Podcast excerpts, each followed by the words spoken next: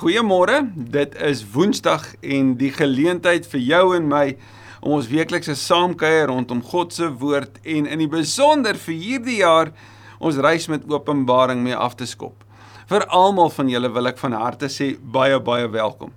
Dankie dat jy KSM gekies het. Dankie dat jy hierdie oomblik gekies het. Nou waar ook al jy is in hierdie wêreld, dalk plaaslik in die omgewing van Kerksonomure of in Suid-Afrika of dan natuurlik breër reg oor die wêreld wil ek jou van harte welkom sê. Ek wonder nogal wat het jou getrek na na hierdie oomblik toe? Is dit nuuskierigheid? Is dit die woord openbaring? Is dit kom ons kry al ons groepe bymekaar of my vriende of vriendinne bymekaar en ons sit en ons kyk en ons leer en ons praat? Is dit omdat daar oor die jare soveel kommentaar en boeke oor openbaring verskyn het? Hoe dit ook al sê, dit is regtig my gebed dat ons reis saam so in die afskop van 2022 met 22 hoofstukke van Openbaring vir jou en my regtig 'n nuwe openbaring sal bring. 'n Openbaring van wie God is. Openbaring van die diepte en die skoonheid en die mooi van hierdie teks. Ons gaan stadig stap, maar hier's bitter baie notas hier voor my wat ek nie na kan verwys elke keer nie. Daarom is dit elektronies vir jou beskikbaar en ek sal dit baie graag vir jou wil stuur. En ons het 'n groot groep wat reeds deel is van ons adreslys, maar as jy nog nie is nie, stuur ek dit en natuurlik soos ek beloof het in die verlede en ook doen vanuit die verlede die ander Bybelstudies wat reeds op ons platforms is, se notas vir jou aan. Stuur asseblief net vir my e-pos en ek stuur dit met groot graagte aan. En weet asseblief, die hart van kerk sonder mure is om dit te wees, 'n kerk sonder mure, 'n kerk wat aangee, 'n kerk wat deel. So asseblief, as hierdie vir jou van waarde is en jy wil dit deel, doen asseblief so. As jy die notas wil deel, doen asseblief so, want uiteindelik is dit 'n saam ontdek, maar ook 'n saam dien sodat ons saam kan groei. Dit is regtig ons begeerte vir hierdie jaar. Kom ons bid saam. Dankie Here Jesus vir hierdie oomblik. U weet wat ons gebring het tot op hierdie plek waar ons 'n honger het, dalk 'n skierigheid het, dalk net 'n belangstelling het van wat sê hierdie woord vir my? Wat sê hierdie boek vir my? Vir baie van ons is dit 'n boek wat ons vermy. 'n Boek wat ons liewer sal sê ek sal ander dag lees, ander jaar lees. Vir van ons is dit 'n boek van verwarring. Vir van ons maak dit ons bang. Mag U asseblief dit wat U bedoeling is ook met hierdie teks met hierdie boek en met ons reis saam mag U dit asseblief Here so na vore bring dat ons U hart duidelik hoor, klink klaar hoor, helder hoor sodat ons dit ook so verander kan deel. Wees asseblief aan die woord, o lewende woord, Jesus die Here, die leeu en die lam. Amen. Amen. As ons kyk na die inleiding van Openbaring, dink ek is dit goed om eerstens te vra wanneer is dit geskryf? Dis hier tussen 81 en 96 na Christus geskryf deur Johannes. Johannes, die skrywer van die Johannes Evangelie, natuurlik die Johannesbriewe ook. Johannes, die seun van Zebedeus, wat eers bekend was as die Boanerges, hy en sy boetie, die seuns van die donder, wat met sy wandel met die Here die geliefde disipel geword het. Hy's na Patmos toe verban onder die tyd van keiser Domitianus Nou Domitianus het homself laat noem Dominus et Deus of Here en Heerser. En en hy wou vereer word. Hy het die tyd van keiserlike verering na vore gebring. En om jouself te noem Here en God, Dom, Dominus et Deus, kom sê iets van hoe hy homself verstaan het en wat hy van ander verwag het. Nou Domitianus het vir die Christene ongelooflike moeilikheid veroorsaak. Hy het geweldige vervolging laat uitbreek. Op die rug van Nero en wat Nero gedoen het in in in die jare 60 na Christus en en hoe hy Christene vervolg het en en en Domitianus wat daarop voortgesit het, het jy 'n tydperk van Christelike vervolging van Christelike vrees as jy wil, maar ook van die verspreiding van die Christelike boodskap soos nog nooit tevore nie. Ek bedoel, daar begin die beweging van Jesus en skielik skielik is daar teenkanting. So vir jou en my is dit belangrik om te weet in watter tyd geleef is hierdie geskrif gehul. Want Openbaring soos ek en jy weet, is oor die jare so misbruik, so verkeerd aangehaal dat die rykte, die rykdom en die diepte en die skoonheid van die teks verlore geraak het. Ek bedoel, as jy dink aan die misbruik van beelde om vrees in te boesem. Ek wil hoe hoe sekere getalle en sekere beelde so neergesit word en hoe mense resepte uitgewerk het. Hierdie hierdie perfekte formules uitgewerk het om bepaalde uh weet dinastieë neer te sit en te sê nee, daar's hierdie eras wat gaan gebeur volgens Openbaring en dit volg op dit volg op dit en dat mense gedink het maar dit help my om toekomsvoorspelling weet te kan doen om te kan sê maar ons is nou in daai geleef. Dan vra ek myself, moet ek en jy onsself vra, is dit die bedoeling van die woord? Is dit wat God wou hê? En net so 'n wonderlike mooi ryke beelde soos soos die Here se gebruik van getalle. Die Here se gebruik van beelde het verlore geraak. Dink maar oor die oorspronklike bedoeling van 144000. Dink maar aan beelde soos die leeu en die lam van God wat op die troon sit. En so moet ek en jy hierdie simboliese betekenisse op ons reis saam herontdek. Moet ons mekaar terugneem na na na waaroor dit regtig gaan. En in kort gaan Openbaring oor die groot storie van Christus die triomfator. Christus, die een wat oor die dood heers. Christus wat kom, want sien, Openbaring help jou en my om te fokus op hom wat kom om te fokus op die verwagting van hom wat kom vir die gelowiges wat so vervolg is, wat wreed vervolg is. Het dit hulle gehelp om hulle oë te lig en te fokus op die komende Here, die heerser. Sien, ek en jy moet Openbaring wanneer ons dit lees, nie lees net in bepaalde grepe nie, maar in die totale konteks van die boek soos in elke ander Bybelboek, van voor tot agter. Openbaring 1 begin met die die lam wat kom. Openbaring 22 eindig met die lam wat kom. So Openbaring se tyd geleef is tussen Jesus wat gekom het, wat opgestaan het, wat heers in die tyd van die kerk en tyd van toe dit geskryf is en Jesus wat aan die kom is. Ons sien Christus se koms en Christus se wederkoms is 'n gegewe en daarom verander dit alles tussenin. Verander hoe ons leef, verander hoe ons kyk na na weerstand, na vervolging, na om onregverdig gehanteer te word. Maar Openbaring is ook ingehul in die groter verhaal van die Bybel. Daarom is groter narratiewe, groter lyne in die Bybel ook hierin sigbaar. Ek bedoel die Bybel begin in die openingsboek van die Bybel, openingspaar hoofstukke met 'n huwelik. Openbaring eindig met 'n huwelik. Die een groot storie van huweliksliefde en die bruidegom wat kom vir sy bruid gaan ons in Openbaring raak sien. Ons gaan die die beeld van van God se reddingsplan gaan ek en jy sien. Die Here wat 'n begeerte het om sy mense nie net te kom red nie, maar by hom te hê. Ons gaan sien hoe God wat van die begin af wou hê die mense moet hom by hom wees en by hom wandel daar in die tuin, dat dit aan die einde waar word. Ons gaan sien God se geduld met die mense wat ons reg deur die deur die deur die Bybel sien.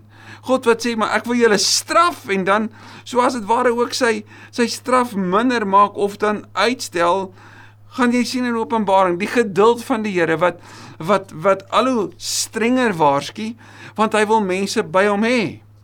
Soos wat ons sien in die klein profete verhaal in die Ou Testament.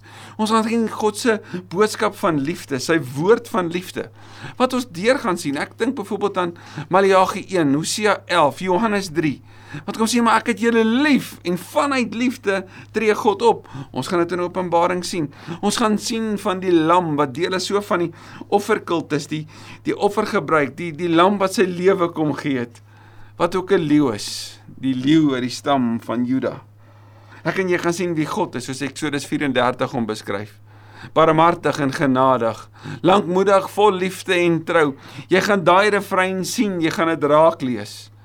Ek en jy gaan iets sien van die oorspronklike boodskap van Openbaring, naamlik dat dit 'n troosboek moet wees, 'n aanmoediging vir gelowiges wat in tye van vervolging en worsteling en struweling en onsekerheid en stormagtige wêreld moet hoor die Here is op die troon en die lam is saam met hom. Ja, daar is weerstand. Ja, daar is daar is nabootsing. In ons finale jaar op universiteit het ons die boek van Richard Bauckham gedoen oor Openbaring.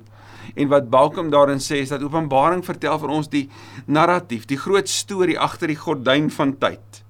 Van die Here wat heers, van die van die duiwel wat probeer om God na te boots, van God se getal wat 7 is en die duiwel se getal wat 6 is. So hy kom net nie daarbey uit nie.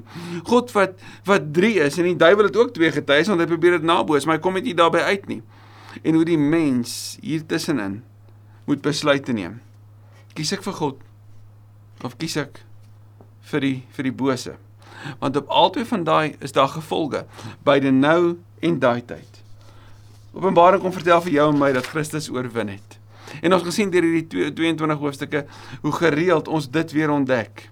Dat hy waardig is, dat hy heilig is, dat hy die een is in wie daar lewe is en wie daar oorwinning is. Maar miskien is twee groot fokusse vir jou en my om in gedagte te hou.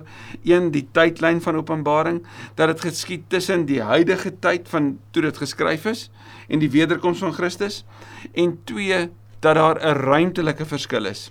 Dat daar 'n deel is wat op aarde gebeur en dan 'n deel is wat in die hemel gebeur. Sommige sou sê hoofstuk 1 tot 3 gaan oor die gemeentes op aarde en hoofstuk 4 tot 21 oor wat in die hemel gebeur. Met hoofstuk 22 se groot uitnodiging om terug te kom. Maar die heeltyd is daar hierdie wisselwerking tussen wat op aarde gebeur en wat in die hemel gebeur en dit gebeur deurgangs so sien Openbaring is aan die een kant 'n apokaliptiese boek want dis die tipe materiaal wat ek en jy daarin sien. Soos die wat jy in Esegiel sien en in Daniël sien, kom vertel Openbaring vir ons iets van 'n ander wêreld in beeldryke taal om vir ons iets te vertel van wie God is, maar aan die ander kant is dit ook 'n profetiese boek vir die gelowiges van daai tyd. Om vir hulle te sê, "Maar hoe leef ek nou met die wete dat ek weet wie God is? Dat ek iets sien van die hemel?" Johannes het hierdie voorreg gehad om om weggeneem te word, om blootgestel te word, om te beleef. En is hierdie beeldryke taal wat wat nie net simbolies in terme van getalle en beelde is nie, maar wat ook ruimtelik is, wat mens neem na ander plek toe om anders te kyk en anders te beleef en ek bid sodat die Here ook ons sensoriese se se se eh, vermoëns sal aanwakker wat ons sal sien, sal ruik, sal hoor, sal beleef sodat ons harte ook daardeur verander sal word. Jy gaan sien dat ons beelde uit Jesegiel gaan sien, uit Daniël gaan sien, uit Eksodus uit gaan sien wat alles waar word in Openbaring. En Openbaring uiteindelik is 'n troostverhaal vir 'n kerk wat ly, vir gelowiges wat swaar kry.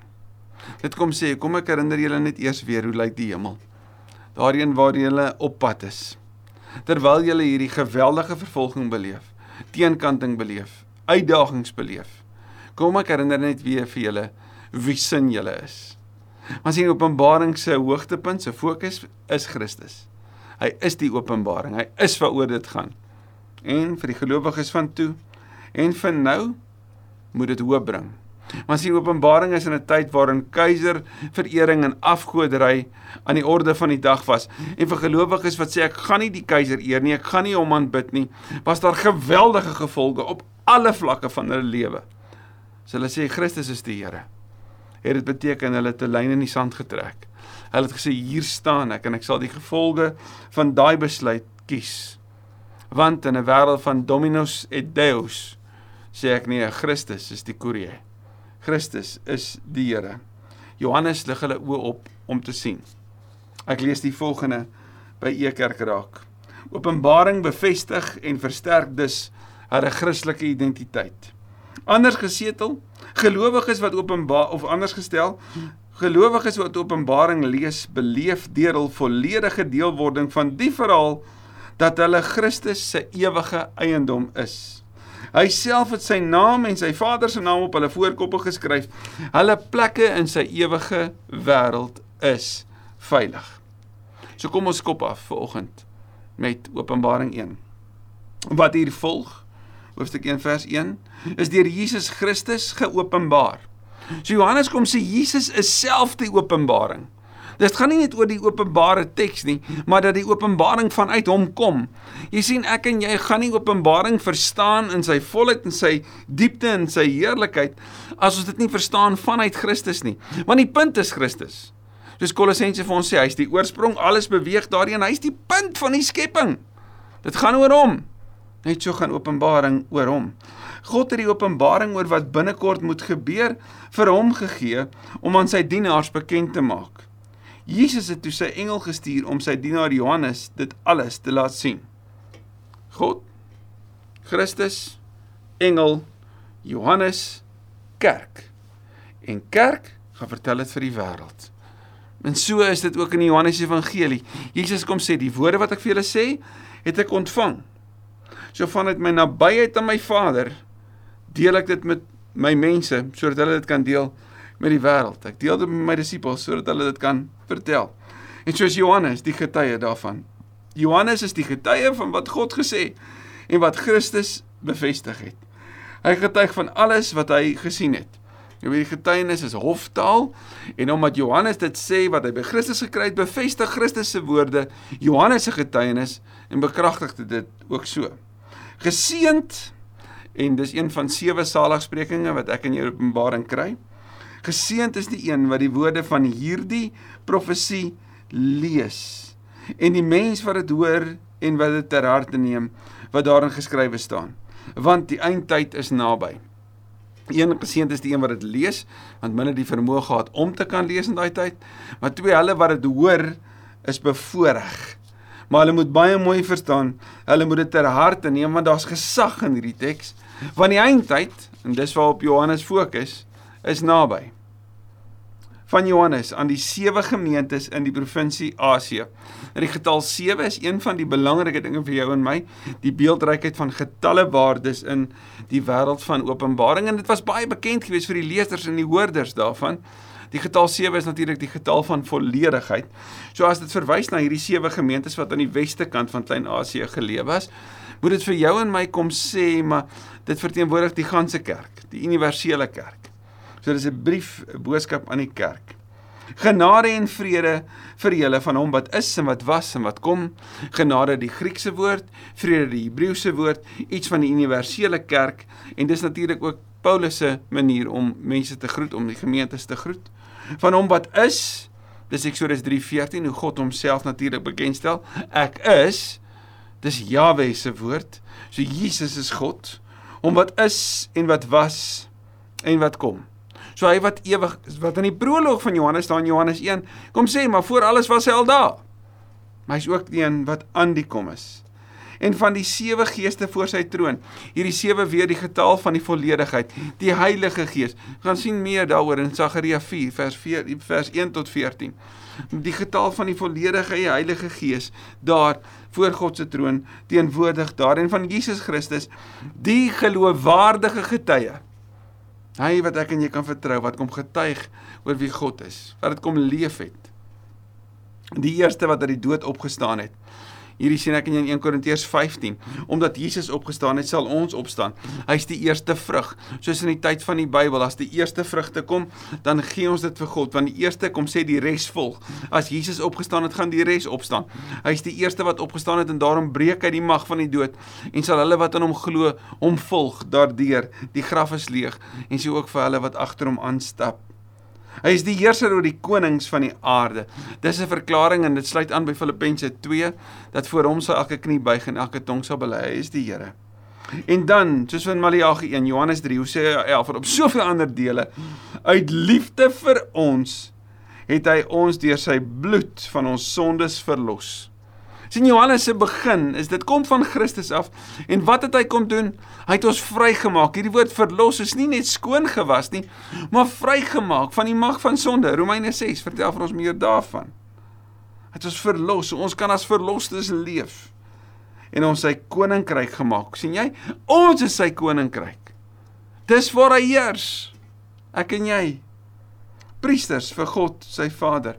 En wie was die priesters? Ek en jy kan Eksodus 19 dit gaan sien. Priesters tree op namens ander. Priesters kom tree in namens ander. So wie word die kerk?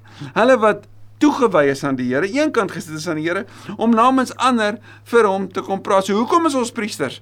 Wel ons bring aan hom eer deur ons lewens, maar ons tree ook namens ander weet voor hom in. Ons is mense wat bedienaars is van die woord. Sal 2 Korintiërs 5 sê, bedienaars van die versoening. Aan hom behoort die heerlikheid en die krag tot in alle ewigheid. So die fokus is hom. En dan die tema van hierdie boek. Kyk, hy kom. Die begin van Openbaring 1 vers 7 en die einde van Openbaring 22 vers 20 om sê vir jou my dis die inklusio dis die omarming dis waaroor dit gaan hy wat heers hy wat oorwin is die een wat kom hy kom in die wolke en al die mense sal hom sien ook hulle wat wat hom deurboor het en al die volke van die aarde sal hom in selfverwyd weeklag. Ja, dit is seker. Anderswoorde hulle wat hulle rug op hom gedraai het, sal in selfverwyd weeklag. Want hy is aan die kom. Ek is, soos Johannes in sy evangelie 7 keer vir ons kom wys, Jesus is. Nou sê Jesus, ek is die Alfa, dis die begin. Kolossense 1 verwys ons daarna en die Omega, die laaste letter van die Griekse alfabet. Sê die Here God.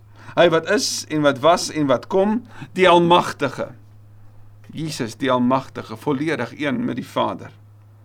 En dan hierdie openbaring aan Johannes. Hoor net mooi. Ek Johannes is julle medegelowige. En deur ons verbondenheid Nou verbondenheid sal jy sien in Kolossense 2 vers 6 is om in iemand se skoene te staan. Deur ons verbondenheid met Jesus het ek saam met julle deel aan die verdrukking en aan die koninkryk en aan die volharding. Hoor mooi wat hy sê, verdrukking. Ons beleef verwerping, hy is verban, ons gaan nou dit sien. Die koninkryk waar Christus heers maar ook die volharding soos ag Hebreërs 12 vir ons beskryf. Hou jou oog op Christus, maak klaar volhard. Johannes sê ons almal in ons verdrukking, onthou wie ons is, wie sin ons is. Ons is almal deel om te volhard en deel in die volharding van Christus. En hierdie boek is natuurlik 'n boek van troos en van aansporing. En so deel ons almal daarin. Ek was op die eiland Patmos. Patmos was so 96 km suidwes van Efese waarin ek verban was omdat ek die woord van God en die getuienis van Jesus verkondig het. So omdat ek verkondig het Jesus is die Here, is ek verban. Op die dag van die Here is ek deur die Gees meegevoer. Nou in die Ou Testament word die Yom Yahweh, die dag van die Here, beskryf as die groot dag van redding. Nou weet ons dit het gekom in Christus. So waarna verwys Johannes hier? Waarskynlik na die dag van die kerk se byeenkoms, die Sondag, die eerste dag van die week, die dag van die Here is ek deur die Gees meegevoer en ek het agter my so hard soos die geluid van 'n trompet. Nou maak jou oë en jou ore oop vir wat Johannes beleef het. Die geluid van 'n trompet. 'n Stem hoor sê: "Skrywe wat jy sien in 'n boek en stuur dit vir die sewe gemeentes en dan noem hy hulle almal daar." Ek het omgedraai om te sien wie dit is wat met my praat. En toe ek omgedraai het, het ek sewe goue staanlampe gesien. En tussen die lampe iemand soos die seun van die mens. Dis hoe Jesus hom beskryf in die evangelies, die seun van die mens. Hy het 'n lang kleed aangetree. Nou in Eksodus 28 sien ek en jy die priester se kleed en 'n goue band om sy bors. Nou 'n goue band is nie gewoonlik om die bors gedra nie, dis om die heupe gedra. So hoekom sou Jesus hierdie goue band om sy bors gehad het? Wel, dit kom sê sy werk is klaar. Sy werk wat hy moes doen, tetelestai, dit is volbring, die verlossingsprys is betaal, die oorwinning is behaal. So daarom het hy nou 'n band om sy bors. En en verder staan daar die hare op sy kop was so wit soos wol, so sneeu en sy oë het soos vuur gevlam. Jy sal iets hiervan sien in die beskrywing van Daniël 7 vers 9. Die Messias, sien jy dit? Die die lang kleed, die band op sy kop, oë wat vlam soos vuur. sien hierdie mag en die heerlikheid en die grootheid, die angswekkendheid wat Johannes moes beleef.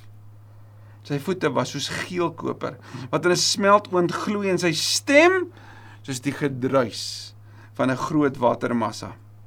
In sy regterhand, dis sy hand van autoriteit, van gesag. Sy regterhand, sy sy sy hand van mag het hy sewe sterre gehad en 'n skerp swaard met twee snykante. Presies soos wat Hebreërs 4 vers 12 die woord beskryf, 'n swaard met twee snykante. Die swaard wat ons ook van lees in Efesiërs 6 vers 17. Hierdie swaard het uit sy mond uitgekom. Sy hele voorkoms was soos die son wat op sy helderste skyn. sien jy wat Johannes beleef? Heilig, magtig, waardig is die Here. Toe ek hom sien het ek by sy voete neergeval. Net soos die vrou van ouds in die Bybel. En bly lê soos een wat dood is.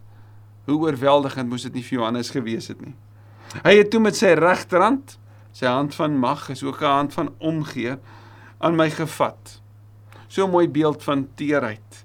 Die magtige koning wat naby kom en aanraak, soos wat Jesus soveel keer gedoen het op aarde om aan mense te vat so kom die magtige Here ook in die hemel en hy raak aan Johannes. en vir my gesê, moenie bang wees nie. Dit is ek.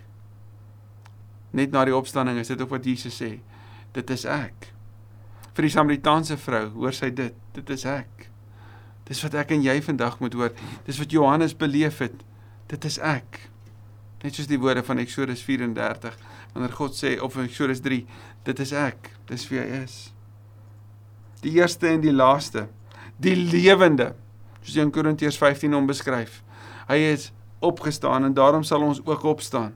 Hy is die lewende. Ons dien nie 'n Here wat jy in 'n graf gaan vind nie, maar 'n Here wat leef en heers. Ek was dood en kyk ek lewe tot in alle ewigheid. En ek het die sleutels van die dood en die doodryk. Nou sien in Genesis 30 vers 22 dat God die een is wat alleen die sleutels van die doodryk het. En nou kom sê Jesus maar het dit. Nou as Jesus die sleutels het, beteken die dood en die doodryk is oorwin. Die tronk van die doodryk is oopgesluit en ons is vry. Ons kan by hom wees. En dan die opdrag, skryf nou op wat jy gesien het. Wat nou daar is, en baie sou reken dis wat hier in hoofstuk 2 tot 3 gebeur en wat hierna gaan gebeur hoofstuk 4 tot 21 en dit is die verborgde betekenis as dit ware dit is die openbaring van die sewe sterre wat jy in my regterhand gesien het. Nou hierdie sterre natuurlik gaan oor die kerk en Jesus is die hoof van die kerk. En van die sewe goue lampe die sewe sterre is die leraars of anders gesê die boodskappers van die sewe gemeentes en die sewe lampe is die sewe gemeentes. Nou hierdie sewe lampe sou vir die Jode bekend wees want want ek en jy sal dit sien of sou dit sien in die tabernakel waar die menorah was met sy sewe lampe. Maar nou is dit nie sewe lampe nie, nee. Nou is hierdie die simbool van die verenigde kerk. Die kerk wat soos Efesiërs 4 sê, een is, een liggaam aan mekaar. So 'n universele boodskap aan die kerk van die Here wat magtig en groot is, wat naby is om aan ons te te raak, wat vanuit sy liefde vir jou en my kom sê, ek het gekom en ek is aan die kom. En ek en jy moet weet dat wat ook al nou kom, is 'n boodskap vir die kerk, vir jou en my. En ek hoop net soos ek op hierdie oomblik is daar vir jou ook 'n stuk opgewondenheid om te sê, moet asseblief nie nou ophou nie. Hou aan, hou aan. Help Mag die Here vir ons hierdie honger gee om te hoor maar wat is sy boodskap aan die kerk? En DV volgende week gaan ons na hierdie gemeentes kyk. Miskien gaan ons net begin, miskien vat ons hulle almal. Kom ons kyk hoe die tyd ons lei. Maar mag die Here vir jou en my kom aangryp met hierdie troostboodskap. Gaan lees hierdie boek, gaan ontdek hom. Mag ek en jy saam al hoe meer die troos en die oorwinning daarin ook beleef. Kom ons bid. Dankie Here dat U ons deur die Gees ook vandag kom aanraak, kom aanspreek. Dankie vir hierdie inleidende gedeelte, hierdie saamkuier, hierdie lusmaker as dit ware. Vir hierdie groot inleiding van wie U is en wat ook nou voorlê. U boodskap aan die kerk, aan die leraars van die kerk, aan die gemeentes van die kerk. U boodskap vir ons. U boodskap vir toe. U boodskap vir nou. U boodskap van die hemel u boodskap vir die aarde. Kom lei ons ook daarin in Jesus se naam. Amen. Amen. Ek hoop jy het 'n wonderlike week. Onthou asseblief as jy gebed nodig het, ons wil graag saam met jou bid. As jy deel wil word van 'n groep, daar's vir jou ruimte. As jy deel wil word van van ander geleenthede waarin jy vir jou versorging kan wees of waarin jy kan dien, skakel ons net by info@ksm.co.za. Kontak ons daar en ons sal jy met die regte mense verbinding tree. Mag dit vir jou en jou geliefdes 'n besondere dag en week wees.